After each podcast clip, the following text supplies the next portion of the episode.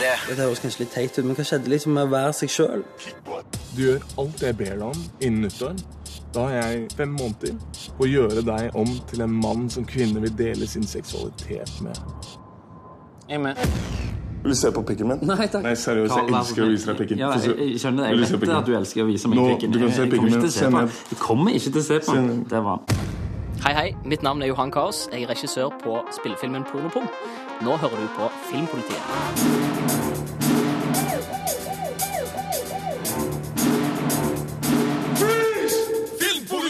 What's your name, scumbag?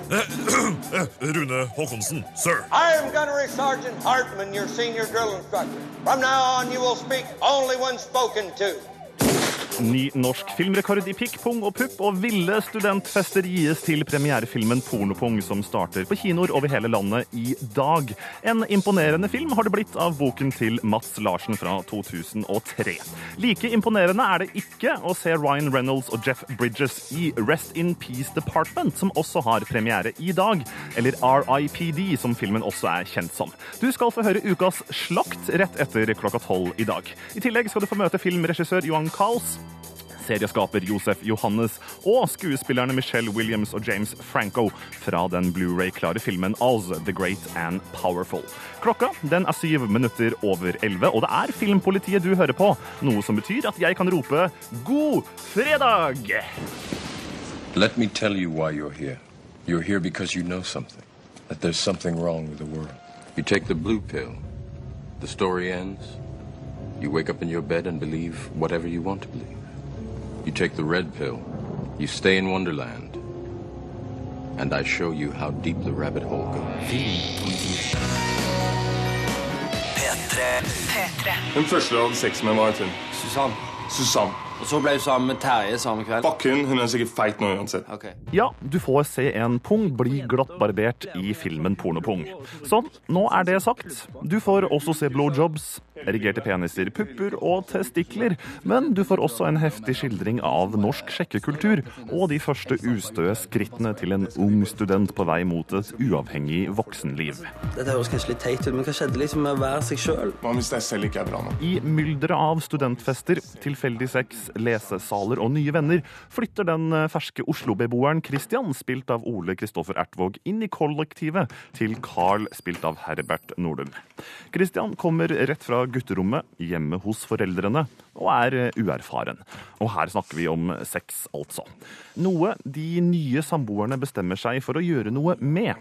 Carl nedlegger nemlig jenter i et forrykende tempo, med mål om å ta igjen Casanovas berømte 122 elskere. Og han lover Christian om at han følger reglene, vil også han bli en supersjekker. Så snakker vi om knulling. Ok.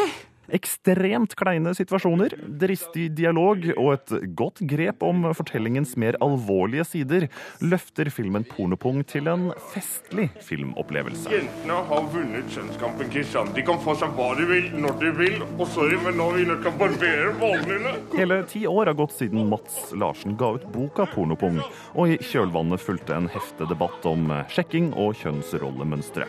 Filmen fører ikke noe nytt til bords, men er fortsatt brennaktuell, og lykkes nettopp fordi den fremstår som et godt og noe overdrevet tidsbilde av ungdomskultur på 2000-tallet.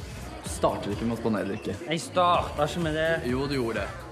Tredjemann i kollektivet til Carl og Christian heter Leo og spilles av Anders Ryding. Han er en taus bifigur i fortellingen.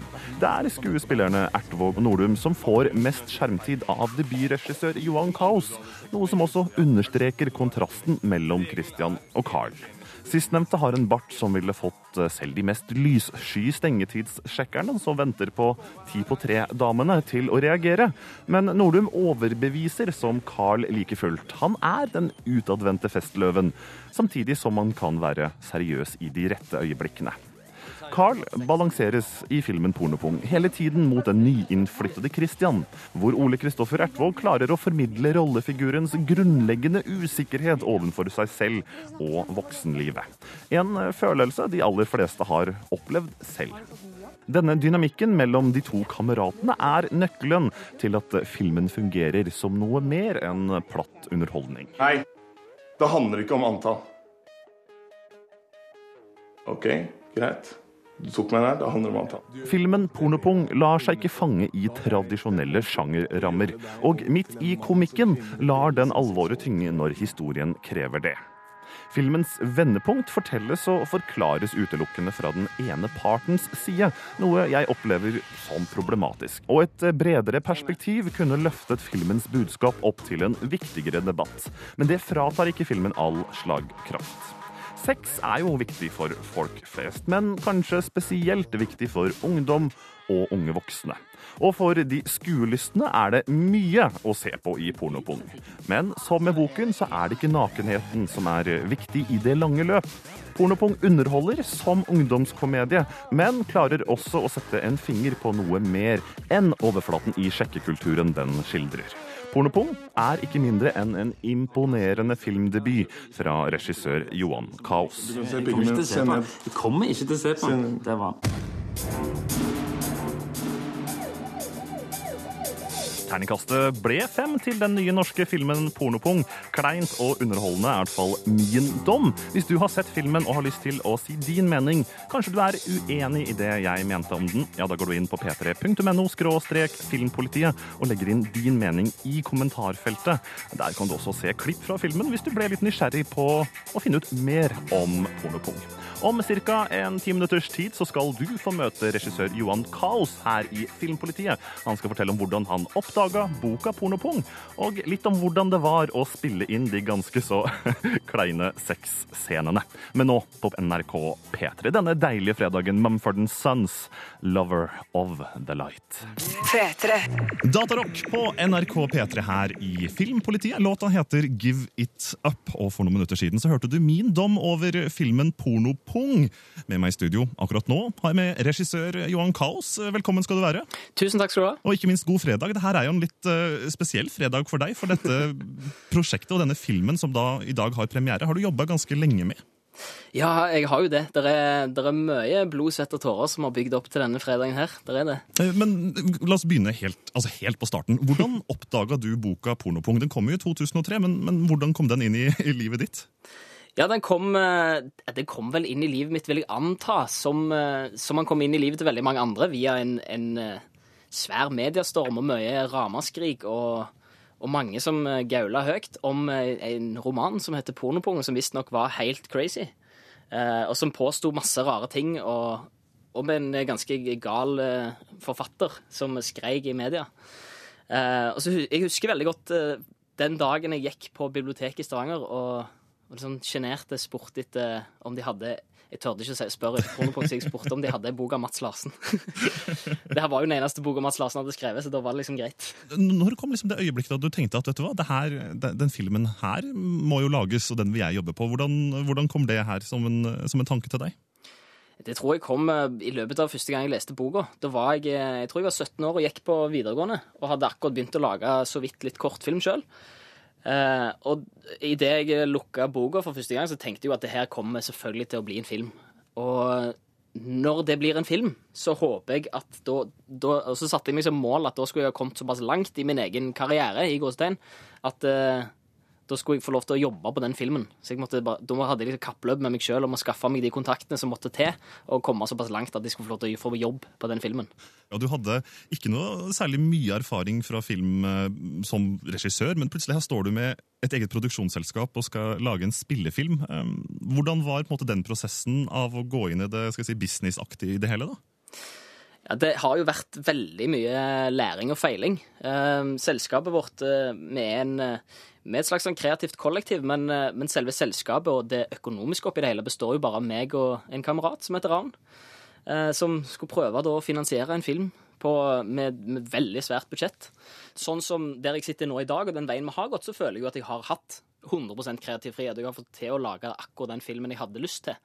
Men eh, i løpet av prosessen så har vi jo fått høre veldig mange ganger at eh, denne her filmen faller mellom to stoler. Du må velge, du må ta et valg. Du må gjøre det enten til en reinspikka drama, eller så må du gjøre det til en reinspikka komedie. Eh, fordi at vi klarer ikke å sette denne her i en bås. Vi vet ikke hvordan vi skal selge det. Eh, og det er jo veldig mange som har, eh, som har likt prosjektet veldig godt, men som mener at ja, måten vi har gjennomført det på, har vært ja, kanskje feil. Eh, der, men der har vi jo heldigvis, mener jeg, da, eh, klart å stå imot ganske mye press og faktisk takka nei til mulige samarbeid. Eh, og det har jo endt opp med at vi ja, nettopp det har fått lov til å lage den filmen som, som vi har lagd. Akkurat nå så hører du på Filmpolitiet her på NRK P3. Med meg i studio er regissør Johan Kaos bak den nye premiereklare filmen Pornopung. Du skal føre mer fra oss etter Rumble in Rodos. Dette er Mannequins of Memory. Rumble in Rodos på NRK P3. Mannequins of Memory her i Filmpolitiet, hvor vi akkurat nå snakker med Pornopung-regissør Johan Kaos. Åssen står det til denne fredagen? Er du Føler du litt nå at uh, nervene begynner å gi seg, eller, eller uh, har de bygd seg opp hele uka? de, har, de, har, bygd seg opp sånn sakte, men sikkert. Fram til, fram til mandag så hadde jeg klart å holde det i sjakk med å gjøre andre ting, men nå, ja, nei, nå er jeg veldig spent. Du, du, er jo da fersk spillefilmregissør. Dette er debutfilmen din. Dette var første gangen du sto i, i sjefssetet, eller sjefsstolen selv. Hva, hva, overrasket deg mest når du plutselig skulle spille inn filmen? Hva, hva var den største utfordringen du møtte? Det som overraska meg mest med hele denne produksjonen. Ehm, det var rett og slett den enormt store arbeidsmengden. Eh, jeg fikk skylda over meg. Vi fikk green light for, eh, for, produksjonen. Eh, jeg tror det var tre uker før innspillinga. Så det vil si at når vi gikk i innspilling, så var det veldig mange ting som ikke var på plass. Så etter en tolv timers innspillingsdag så satt jeg igjen med fotografen og min medmanusforfatter Harald Mæle på settet og skrapa shotlisten vi hadde. Bygde opp en helt ny shotlist, fordi vi hadde jo nettopp funnet ny location. Og så ja, brukte vi to-tre timer på det, og så måtte vi helst ut igjen og finne en ny location dagen etterpå. Som vi skulle skyte til dagen etterpå. Og ja, det kokte. 24 timer i døgnet. I sentrum her så har man jo eh, en, en rekke folk, tre karer mer spesifikt. Eh, hvordan leita du fram disse skuespillerne? Var det vanskelig å finne de, de, de rette folka? Det var veldig vanskelig, og det var en sinnssykt lang prosess. Uh, skuespillerne fra den filmen har vi henta fra Jeg tror vi har brukt alle mulige måter på å, på å hente inn skuespillere som folk har hørt om, til å finne folk i denne, denne filmen her. Uh, hovedrollen, uh, Ole Kristoffer Ertevåg, som spiller Christian, han ringte til meg i 2008 når han fikk vite at jeg hadde rettigheten til denne boka, og sa at den rollen der, den skal jeg ha. Han, jeg hadde jobba med han tidligere og kjenner han fra Rogaland Teater, så det visste jeg med en gang at den er riktige. Eh, men rollen som Carl, som, skulle, da, som er ja, på en måte motsetningen og makkeren til, til Christian. Jeg er nødt til å få lov til å legge til her til lytterne. altså Carl er en Casanova-type, men han har en pornobart som jeg tror vil gå inn i norsk filmhistorie som en av de mest sleazy. ja, den barten er veldig fin. Herbert er veldig stolt av den. um, der, den, den, rollen altså jo, Han spiller jo rollen som en eh, sjarmerende drittsekk. Og det er en veldig vanskelig rolle, fordi han skal òg ha sympati gjennom hele filmen. Vi vil jo heie på fyren. Eller det var i hvert fall mitt mål at vi skulle. Så der, han, Den fant vi ikke før vi valgte å snu på hele vårt syn på denne rollen. Og tenk, ikke tenke at vi skulle prøve å finne en sjarmerende drittsekk, men vi fant rett og slett det motsatte. Vi fant bestekompisen til, til Ole Kristoffer, som heter Herbert, som er kanskje verdens snilleste og mest sympatiske fyr. Eh, og så prøvde vi han, og fikk han eh, fikk skrydd han til en rolle hvor han gjør eh, ganske mange rare, syke ting og har eh, ganske spesielle meninger. Og det funka veldig fint. Eh, men en annen ting som det var veldig mye av i den filmen her. Pikk, pung, pupper og det i store mengder. Jeg er litt nysgjerrig på hvordan første gangen dere skulle spille inn en sånn sexscene med ståpikk og alt mulig, altså hvordan reagerte folk på settet da? Eh, altså, folk på settet er jo eh, erfarne filmfolk, og vi har et eh, veldig bra crew, så de var jo profesjonelle. Eh, så alle var veldig klar på at det her viser vi respekt, og så tømmer vi rommet for de som ikke trenger å være der. De som trenger å være der, de har en direkte jobb. Og bomoperatøren han skal holde bommen, den skal han holde bra, så han må konsentrere seg om det. Eh, og sånn har jo, Så alle har en funksjon, ellers er de ute. Og men den største utfordringen er jo opp til skuespillerne sjøl, som faktisk skal være nakne. Og kanskje til og med vise, vise litt et og annet her og der. Eh, de, eh, men de var òg ekstremt flinke. Noen ble sjenerte og satte seg i et hjørne og, og holdt seg for seg sjøl, mens eh, andre, uten at jeg trenger å nevne navn, reiv av seg klærne og sprang rundt og vifta med tissen foran hele crewet, bare, bare for å sette standarden, og derfor så var det liksom greit. Takk til deg, Johan Kaos, regissør på filmen Pornopung, som begynner på norske kinoer i dag. Og du som hører på, kan gå inn på p3.no skråstrek filmpolitiet for å sjekke ut både videoklipp og anmeldelser. Rai med låta Open. Før det hørte du The Black Keys med Gold On The Ceiling her i Filmpolitiet på NRK P3. Klokka den er straks ti på tolv, og om en 20 minutters tid skal du få høre min slakt av den andre av ukas kinopremiereklare filmer. Den heter Rest In Peace Department og er med Ryan Reynolds og Jeff Bridges i hovedrollene.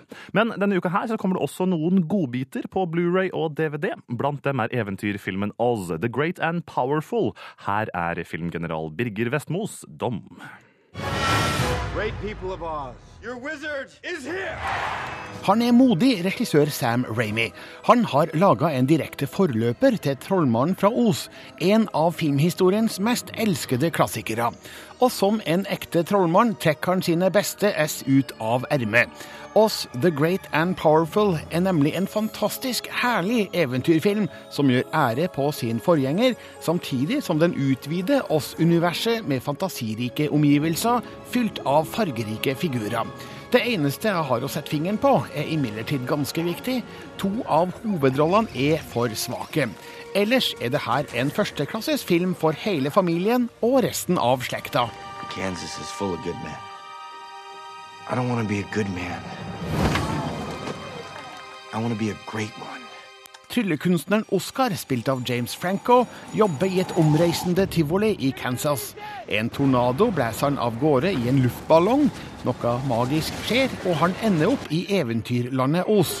Der møter han to heksesøstre, Theodora, spilt av Mila Kunis, og Evanora, spilt av Rachel Weisz, som forteller han at han ifølge en spådom er den nye kongen av Os, bare han først knekker tryllestaven til den onde heksa Glinda, spilt av Michelle Williams. Oscar legger av gårde, men skal oppdage at oppdraget blir annerledes enn venta. Allerede i begynnelsen forstår jeg at filmens tone er i tråd med originalen, med sort-hvite bilder i gammeldags firkantformat. Jeg legger òg merke til at all lyd er i mono, men så kommer indikasjoner på noe større og bredere. En flamme blåser ut av billedramma, tornadoen blåser lyden ut i alle kanaler, og når Oscar oppdager Os, utvides bildet til superbredt format med sterke Technicolor-farger og super 3D-dybde. Her syns jeg Sam Ramy har en perfekt start på eventyret. Persongalleriet er viktig, og det fins mange herlige figurer. Spesielt imponerende er Oscars følgesvenner, en bevinget ape og ei jente av porselen. James Franco, Michelle Williams, Mira Kunis og Rachel Weisz gjør òg fine roller, men jeg føler at Franco virker merkelig uengasjert, noe han sikkert ikke er. Men hans fremtoning antyder at han ikke tar det her særlig seriøst. Og Mira Kunis er litt for mye glamourjente til at jeg godtar hun som eventyrheks, med mindre åletrange skinnbukser er vanlig kultur i Ås. Jeg syns altså at filmens største roller kun vært takla noen hakk bedre. Men bortsett fra det her pirket, er oss The Great and Powerful en film jeg absolutt ikke ville ha vært foruten. Den flommer over av rik fantasi, er svært lekkert filma og forteller en underholdende historie som utforsker menneskelig moral på sedvanlig hollywoodsk vis. Det handler om å finne det gode i seg sjøl, stole på egne egenskaper og overvinne umulige odds. Stor originalitet er det kanskje ikke, men i en forløper til Trollmannen fra Os gjelder det ikke å finne opp kruttet på nytt, men å få det til å smelle kraftigere. Sam Ramy sier simsalabim og får det til å skje. We're going to need everyone to. Oz The Great and Powerful med James Franco og Michelle Williams fikk terningkast fem av Birger Vestmo da den kom på kino tidligere i år. Nå er filmen klar for Blu-ray og DVD, og du kan gå inn på p3.no skråstrek filmpolitiet for å lese dommen en gang til, eller kanskje du vil delta i debatten om filmen fortjener en terningkast fem. Om ti minutter, nei faktisk åtte minutter vil jeg si, her på NRK P3 skal du få møte Michelle Williams og James Franco, men nå så er det Robin Thicke, TI og Pharrell på NRK P3. Dette er Blurred Lines. P3. P3. Kindred Fever på NRK P3 her i Filmpolitiet klokka ett minutt på tolv. God fredag! Låta du nettopp hørte, den heter Tabula Rasa. Filmen Oz the Great and Powerful er ute på Blu-ray og DVD denne uka, og da Filmpolitiet møtte Michelle Williams, så kunne hun fortelle at det var et eventyr å spille inn eventyrfilmen. To me, it's like the ultimate road trip movie. It's about um, uh, it's about the road of life and the cast of characters that you meet that influence and affect and ultimately transform, change who you are. And that's kind of like what it feels like to me to be alive. I feel like I'm walking down this like crazy bumpy road and I meet people and I'm affected by them and that's probably what appeals to me. Towns were destroyed. Children were orphaned. Great wizard from Kansas. I've waited for you to come and set things right. Michelle Williams har vært Oscar-nominert tre ganger. For sin rolle i Brokeback Mountain, Blue Valentine og ikke minst som Marilyn Monroe. Men for første gang spiller hun gjennomført snill som Glenda den gode heksa. I think that most of the work that I've done I've tended to focus on people's failings or shortcomings, the reasons that they feel separate from other human beings, the ways that they don't connect. Those things were really interesting to me, and I was interested now in like spending as much time thinking about somebody's like best qualities and kind of bringing those to light. And I think that must be in some way more difficult. It's hard to, you know, because you don't want to be boring. You know, complexity is what's exciting. Your magic is the only thing strong enough to save us all. Michelle Williams har hatt en lang og strålende karriere, men så visste hun også tidlig hva hun ville bli. I thought when I was about eight that I wanted to be an actress. It was that I wanted to be an actress or I wanted to be a boxer, and I, and then it was clear that I wasn't going to get very big and tall. Um, and so then it sort of became about acting. You know, I've, I've, I've fallen in and out of love with it over the years, but it turns out, first of all, it's the only thing that I really know how to do, and second of all, I'm still really interested in it, and I feel like I'm getting better at it. Um, and I still have so much to learn, and that's what makes me excited. Is that it's like I have like a tiny little bit of knowledge, but there's so much more knowledge to gain, and that's what kind of keeps me hanging on. I'm coming with you. Listen, we have one rule in show business never work with kids or animals. I'm already working with this thing. James Franco spiller hovedrollen som oss, den litt stusslige tryllekunstneren som blir stor trollmann. One of the things I loved about the way the character was written is that he is a flawed hero, that he's not um, an earnest, you know, um, take charge kind of, of character. He is uh, a little bit of a coward, he's uh, a little selfish, and uh, he's a bit of a womanizer. If it was just an earnest fairy tale, I feel like it would maybe play only for kids. I might not actually be a wizard. What are the similarities between you and you as a person and Oz the character? In Oz?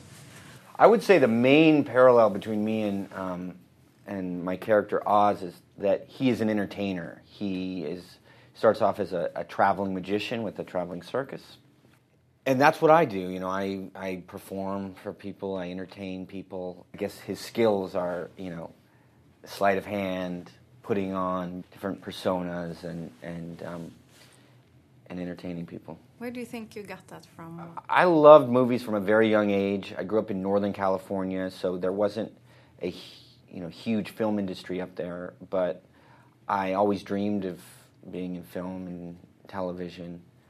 But I was very shy, so I never never acted. And then my senior year, I I started acting, and I played Dostoevsky's The Idiot, and um, and I had the bug, I guess, and I moved to LA and left UCLA after a year and went to acting school, and that was it. How hard could it be to kill a wicked witch? Hard!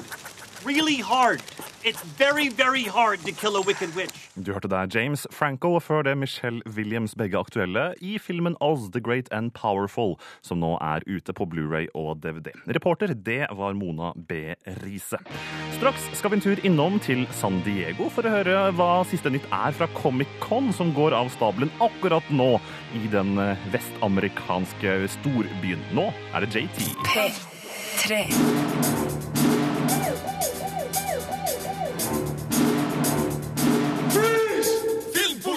What's your name, scumbag? Eh, eh, Rune Håkonsen, sir. I am Gunnery Sergeant Hartman, your senior drill instructor. From now on, you will speak only when spoken to. Herved åpner time to av Filmpolitiet denne deilige fredag 19. juli. To nye premierefilmer er på trappene. Pornopung har du allerede hørt anmeldelsen av. Hvis du ikke fikk med deg den, så går du inn på p3.no filmpolitiet. Snart skal vi over til en slakt, nemlig av filmen Rest in Peace Department. Men før det så må jeg si hei til Marte Hedenstad. Hallo! Hei, hei, Rune. Og god fredag. Takk like måte. Det er jo kanskje en spesiell god fredag for alle nerder akkurat nå, for Comic-Con i San Diego er underveis. Og du må bare kort fortelle, hva, hva er Comic-Con? Comic-Con er jo rett og slett verdens største nerdemesse. Eh, Det er en messe hvor man får se det er tegneserier, det er film, det er spill. Man får møte mange av sine store helter. Man kan f.eks. spørre spørsmål i store paneldebatter og sånne ting til f.eks.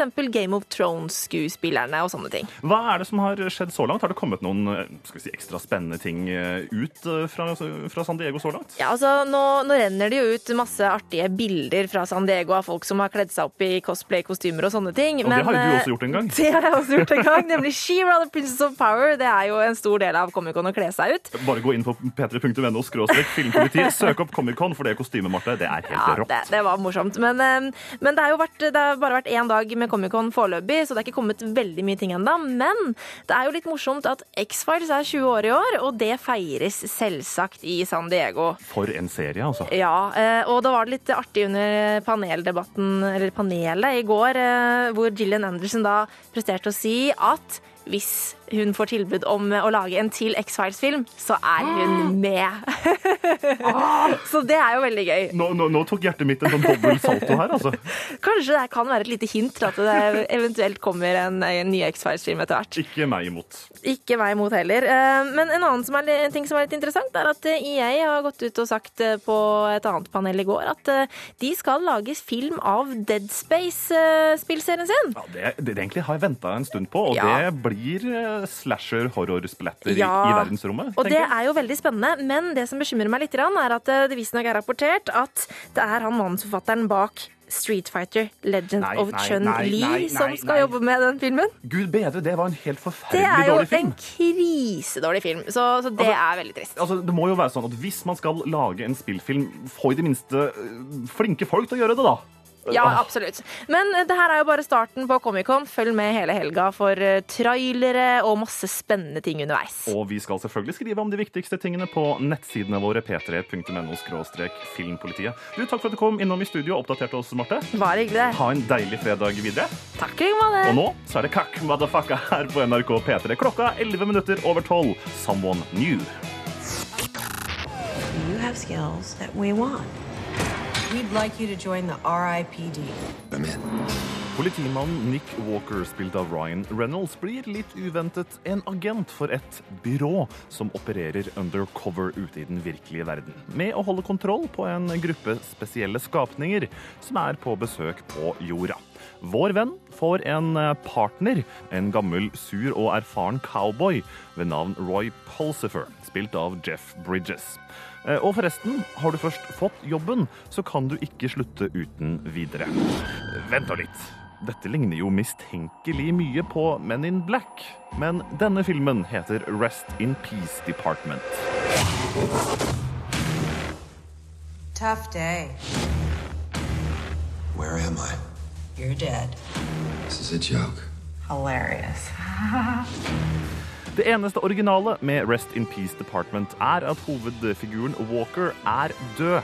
Og i etterlivet får han muligheten til å vende tilbake til jorden for å arrestere andre døde som ikke vil forlate det jordiske liv. Your job is catching deados, the bad souls that escape judgment. Men haken for alle betjenter som vil tilbake til jorden, er at de ikke kan kommunisere med sine kjære, og utseendet endrer seg. Walker han får vende tilbake som en asiatisk minstepensjonist. So like? Really?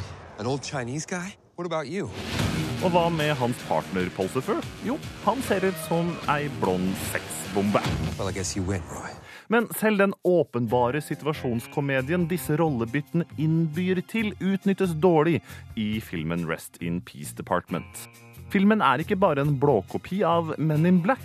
Det er en dårlig kopi som byr på altfor få lattervekkende øyeblikk. Den tidligere partneren til Walker, mens han da ennå levde, Bobby Hayes, spilles av Kevin Bacon.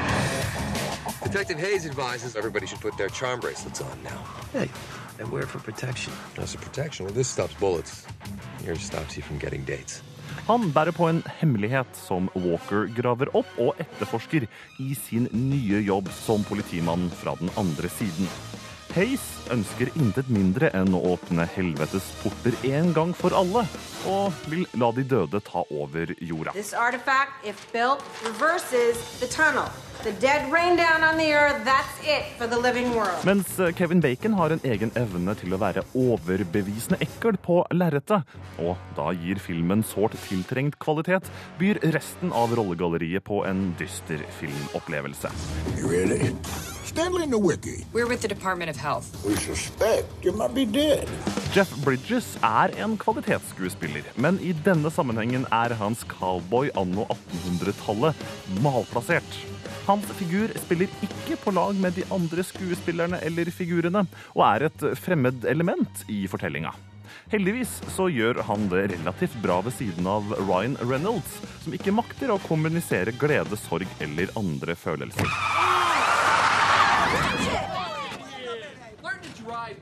You've done this before? Driving? When exactly was your day?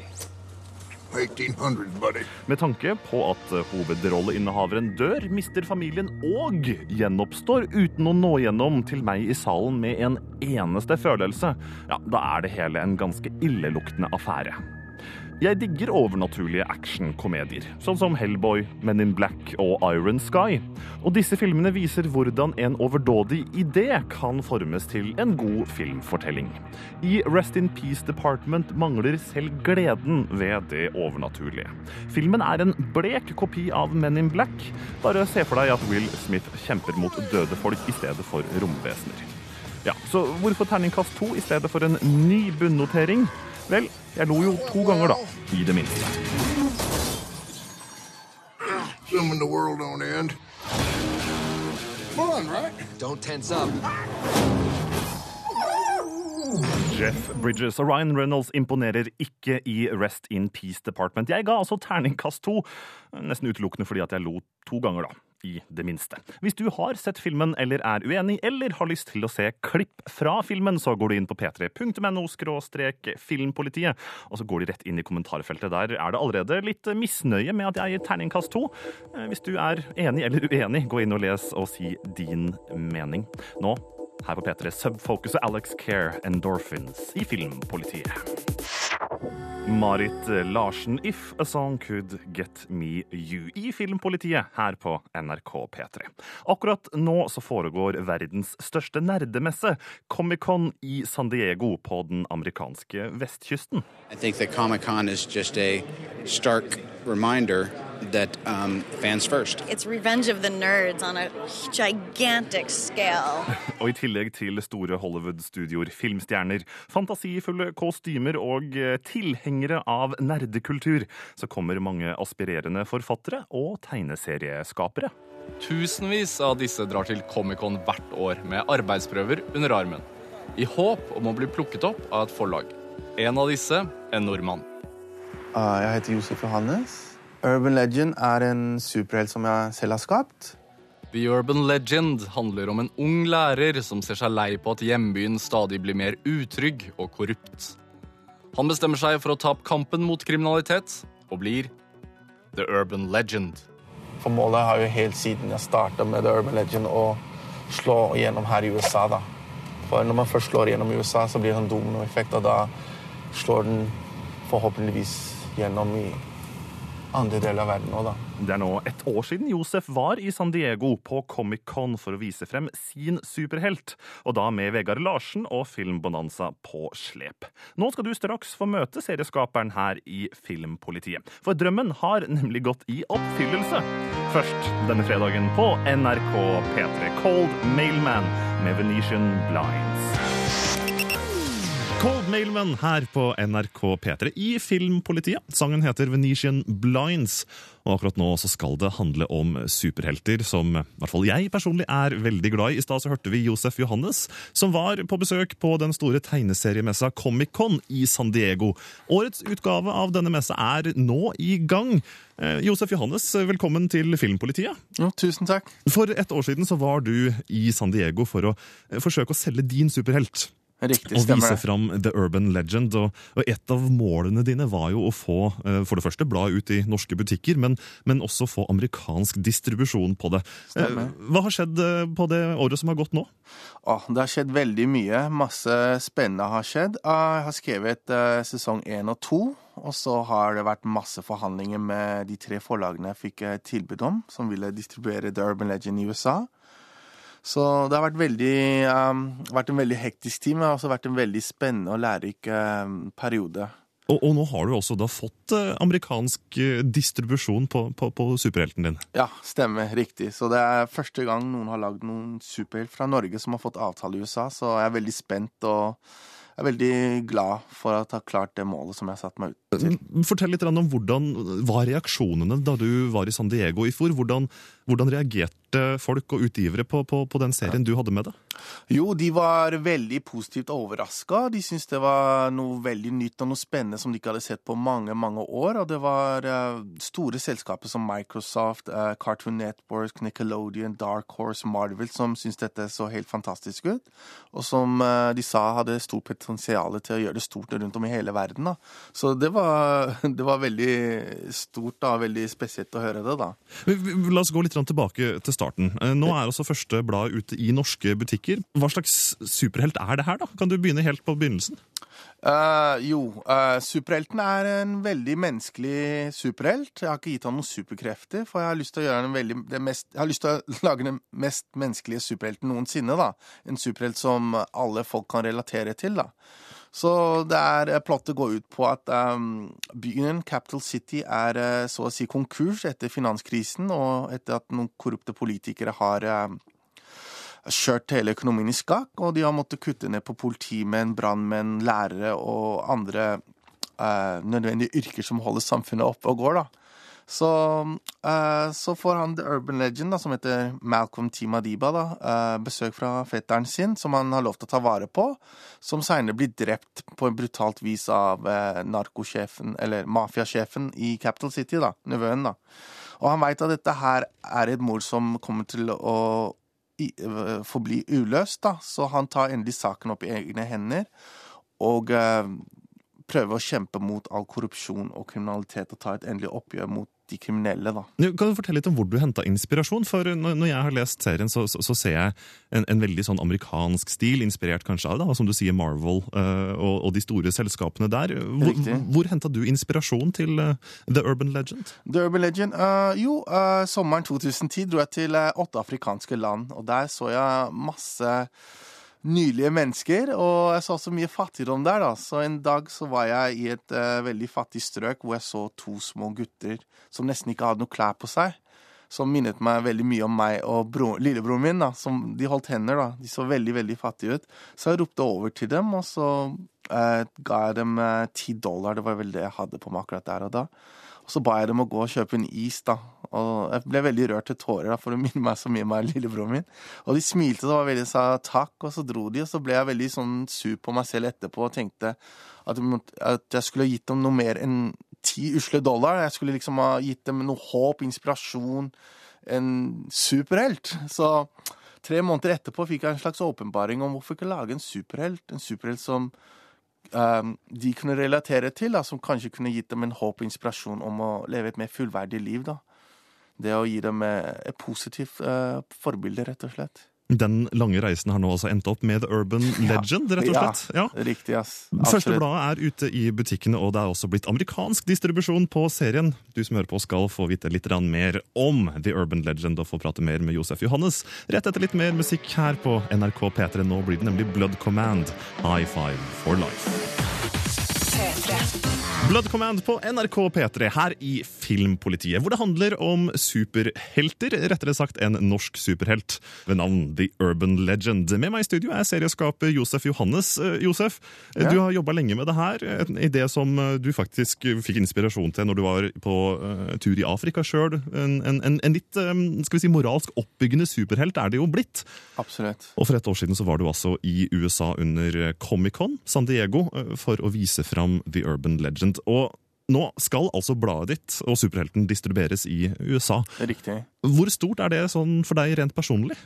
Wow. Um, jeg drømte jo, jeg har alltid drømt stort, og jeg visste da jeg startet at jeg hadde lyst til å gjøre det til en veldig stor internasjonal superhelt. da. Så det å dra til USA var vel Comic-Con der var vel kanskje i bunn og grunn også på mange måter for å lære å få konstruktiv kritikk tilbake, slik at jeg kunne gjøre The Urban Legend mye bedre enn det, det kanskje var. da. Men uh, det ble veldig mye Jeg fikk veldig Jeg ble veldig overrasket av den positive kritikken jeg fikk fra veletablerte eh, forlag som Marvel, DC, Dark Horse, Microsoft og ikke minst eh, kjendiser som Lufer Ringno, som har spilt Tulkens fra Eric Roberts, uh, Jim Kelly, Rest in Peace, og mange andre store skuespillere og legender. Da. Så det var, det var veldig var veldig inspirerende og motiverende å høre fra dem. da. For de som ikke har vært på Comic-Con, det er jo da en av verdens skal vi si, sentre for eh, superhelter, tegneserier, nerdekultur i det store hele. Hvordan vil du beskrive Comic-Con? Wow, det er, eh, det er helt fantastisk. Det er helt awesome faktisk å se så mange engasjerte die hard-fans innenfor tegneserie- og underholdningsbransjen. Da. Så det, det, var veldig, det var veldig stilig å bare være der og føle atmosfæren der. Det var noe nytt som pågikk hele tida, så det må absolutt oppleves, og det anbefales på det sterkeste av Comic-Con. altså. Nå er første blad ute også i norske butikker, og, og, og du har allerede skrevet sesong to. Hva, hva tror du om framtida til uh, The Urban Legend? da? Wow, jeg tror uh, The Urban Legend kan inspirere folk og ta dette her til et helt annet nivå. Jeg kommer til å jobbe hardt for å få The Urban Legend til å bli et veldig verdenskjent, uh, en verdenskjent superhelt. Og eh, jeg er veldig optimist, ass, absolutt, og jeg har alltid vært veldig ambisiøs, og jeg tror jeg kan ta dette til et høyt nivå. jeg håper i hvert fall på det, som, eh, ingen, som ikke har blitt gjort tidligere, da. Nå som du har fått eh, tegneserien ut i butikken, og, og, ting virkelig er i gang, hvilke erfaringer vil du dele med helt ferske serieskapere som drømmer om å, å få til det samme som du har gjort? Eh, Har du noen sånne konkrete råd som kan, kan hjelpe de på vei? konkrete råd. Um, jeg tror man først og fremst må være ærlig med seg selv, og så må man vite hva man vil med, denne sup eh, med tegneserien sin. da. Sånn som Da jeg startet Urban Legends, så måtte jeg jo liksom ta et valg om det skulle være en lokal superhelt, eller en nasjonal superhelt, eller en internasjonal superhelt. Og så når du klarer å stadfeste enkelte punkter, så, det, så veit du hvilken vei du skal gå. Så jeg tror det viktigste er å vite hva du vil med selve tegneserien din. da. Og så er det greit å da um, få uh, konstruktiv uh, kritikk da, fra folk i, fra, i bransjen da, som kan på en måte hjelpe deg og kan veilede deg. da. Men jeg hadde jo ikke noe veiledning, da. jeg måtte jo gjøre all research sjøl. Så jeg lærer noe hele tida. Så det er derfor det har vært veldig spennende og veldig lærerikt. Josef Johannes, tusen takk for at du kom på besøk i Filmpolitiet, og lykke til videre med The Urban Legend. Første, ut, ja, første utgave er altså nå ute i butikkene i Norge, og det blir også amerikansk distribusjon på den norske superhelten. Biffy Clyro i Filmpolitiet Biblical og før det C2C Down the Road. Jeg minner om at du kan laste ned vår podkast på nrk.no. Der finner du også ukens filmanmeldelser. Hør flere podkaster på nrk.no podkast. P3.